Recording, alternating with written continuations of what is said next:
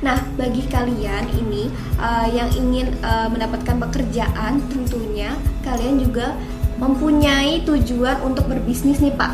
Nah, dari bisnis tersebut kalian juga punya target dari penjualan. Hmm. Ada nggak Pak dari uh, pelajaran dari film ini tentang uh, penjualan yang harus kita pelajari nih Pak? Oke, kalau dari sisi sales atau penjualan, saya rasa banyak juga yang kita bisa pelajarin Iya. gitu ya.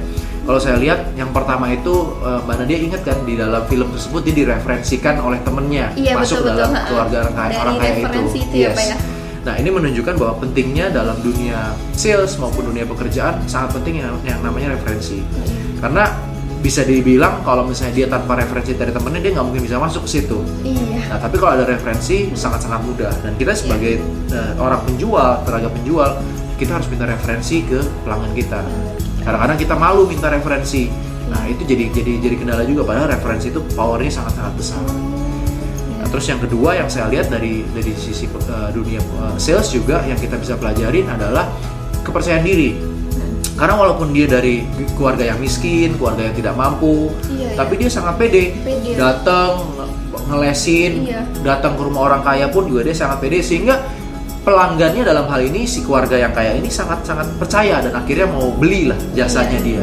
Nah, yang ketiga yang saya lihat bisa dipelajarin adalah sebagai kita sebagai tenaga penjual adalah uh, penampilan, Mbak. Simple sebenarnya, tapi di film itu di, sangat sangat ditunjukkan bahwa walaupun dia dari keluarga yang miskin, istilahnya nggak mampu untuk beli uh, baju yang bagus mungkin ya, Iya. tapi dia menggunakan apa yang dia punya untuk bisa masuk ke dalam keluarganya itu dalam hal ini grooming Iya. penampilannya bajunya semua sehingga dia di memproyeksi diri memproyeksikan dirinya sebagai seseorang yang pantas untuk ngelesin anak-anaknya Betul sekali.